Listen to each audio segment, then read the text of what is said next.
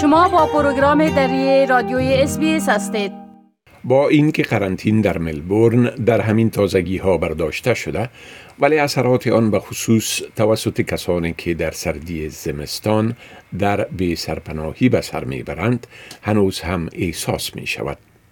SBS با دو مؤسس زن یک نهاد به نام The Good Box یا جعبه نیک صحبت کرده که هدف آن کمک کردن با مردمی است که در بی سرپناهی به سر می‌برند. جاکولیت وولف می دانست که آینده در کویت برایش وجود نخواهد داشت.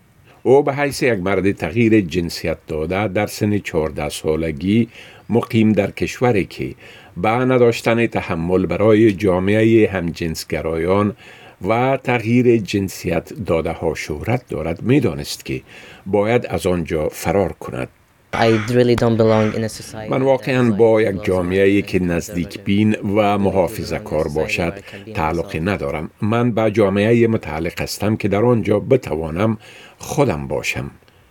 او می‌گوید که در سن 21 سالگی با امید یک زندگی بهتر به استرالیا آمد ولی این خوشبینیش کوتاه مدت بود.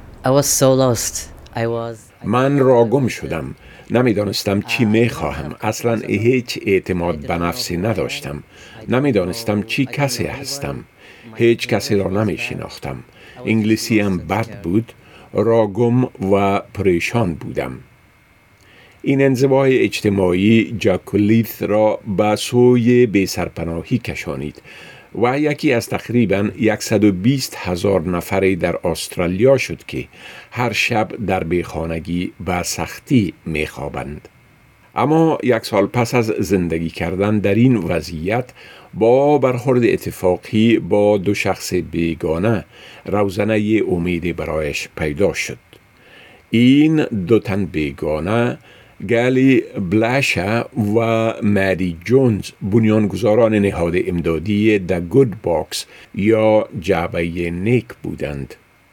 آنها این نهاد را در سال 2019 در یک انبار در بریزبن ایجاد کردند که در آنجا جعبه های ایانه برای مردم تهیه می شوند که در خانمانی به سر می برند. این ابتکار باعث شد که اردوی آنها از دنبال کردن کارهای تمام وقت خود صرف نظر کنند. مری درباره این اقدامشان می گوید ما واقعا سعی می کنیم به هر نوع از افرادی که به خانمانی را تجربه می کنند رسیدگی نماییم. اینها تنها کسانی نیستند که با دشواری می خوابند بلکه افراد را هم شامل می شود که در خانه های مزدهم، در اقامتگاه های استراری و حتی بر کوچ ها در خانه های دیگران می خوابند و بنابراین نیازها و خواسته های هر شخصی کاملا متفاوت است. هر جعبه اندادی حاوی اشیای مختلف می باشد که با دقت برای کمک به نیازمندان انتخاب می شوند مثل لباس، غذا، چاکلیت داغ و غیره.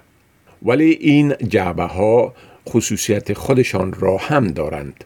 هر یک آنها طور تراحی شده که داستان شخصی را بیان می کند که به خانمانی را تجربه کرده است. گلی بلاشر می گوید که یکی از بزرگترین معمولیت های نهاد امدادیشان بر علاوه کمک به افراد نیازمند این است که تصورات غلط درباره مفهوم به سرپناهی را از بین ببرند.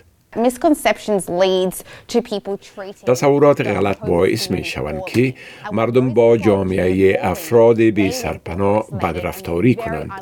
وقتی با مردم بدرفتاری شود آنها احساس انزوا می کنند و احتمال کم موجود می باشد که آنها کمک بطلبند. اینها فقط یک مجموعه از اثرات ناگوار مسلسل است. در ظرف دوازده ماه گذشته بیش از ده هزار جعبه به مؤسسات خیریه محلی در سراسر کشور توضیح شده اند. تقریبا 60 فیصدی این تعداد به مردم نیازمند در ملبورن اهدا شده جایی که تقاضا برای کمک در اثر قیود و قرنطین های پیهم افزایش یافت بلاشر می گوید در حالی که آنها می خواهند به تقاضاهای روزافزون برای امداد رسیدگی کنند ولی این کار را بدون کمک مردم انجام داده نمی توانند. این جعبه ها بسیار ارزان هستند و اشیای بسیار خوب در بین آنها موجودند. شما می توانید با مراجعه به وبسایت thegoodbox.com.au انواع مختلف این جعبه ها را ببینید که ممکن مورد پسندتان قرار گیرد. و در هدیه دادن آنها کمک کنید. آنها در زمستان جوری و در قرنطینه کنونی مستقیما به مردم بسیار نیازمند فرستاده می شوند. بسیار مهم است که ما به حیث یک جامعه متحد شویم و با کسانی کمک کنیم که شدیداً محتاج هستند. می توان گفت که عاطفی ترین بخش این جعبه ها یادداشت کوچکی است که در بین آنها گذاشته می شود. یادداشت های دستنویس از طرف کسانی که این جعبه ها را برای حاصل کنندگان می خرند به عنوان یک وسیله پیوند دادن دو شخص بیگانه در جریان این وقت پر از نیازمندی ها ارسال می شوند. پیام را که جاکولیت ولف همراه با جعبه نیک یا The Good Box خود گرفت برایش چنان امیدوار کننده بود که آن را تا حال نگه داشته است. او می‌گوید که این پیام با او نیرو بخشید که دوباره به پای خود بیستد. این کمکم کرد که لبخند بزنم. این تبسم را بر لبانم نشاند. این باعث شد که احساس خوبی کنم و بدانم که مردم موجودند که پروای به خانمانی را دارند. و اصلا مردم می‌خواهند کمک کنند. این همه چیزی بود که من می‌خواستم او می‌گوید که این حمایت اکنون با او کمک کرده که پس به علاقمندیش به هنر نقاشی برگردد.